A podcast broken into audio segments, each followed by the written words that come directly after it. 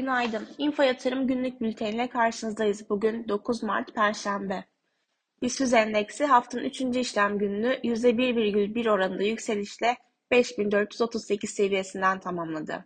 Hafta başından bu yana olduğu gibi dün de bankacılık sektörü payları ön plana çıkarken gün içinde yatay ilerleyen BIST endeksinde gün sonu alımların hızlanması sonrası endeks günü pozitif tamamladı.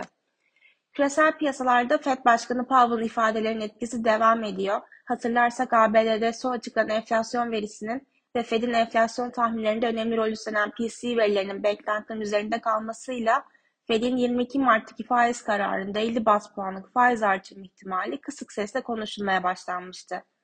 Dün ise artık bu ihtimal yüksek olarak fiyatlanmaya başladı. Çünkü Fed Başkanı Powell sunumunda yüksek enflasyonun faiz oranlarını beklediklerinden daha fazla artırmalarına yol açacağını belirtti.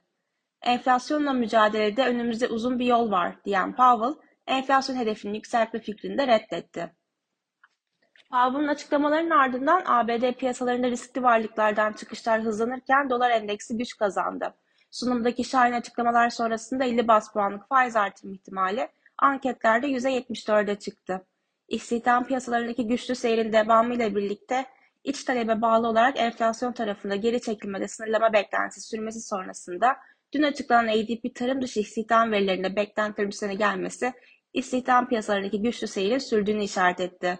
Yarın açıklanacak tarım dışı istihdam verisi önem arz ediyor. BIST endeksinde 5475, 5510 ve 5575 seviyelerin direnç, 5370, 5305 ve 5270 seviyelerini destek olarak izleyeceğiz. Borsa İstanbul'un güne alıcılı başlamasını bekliyoruz.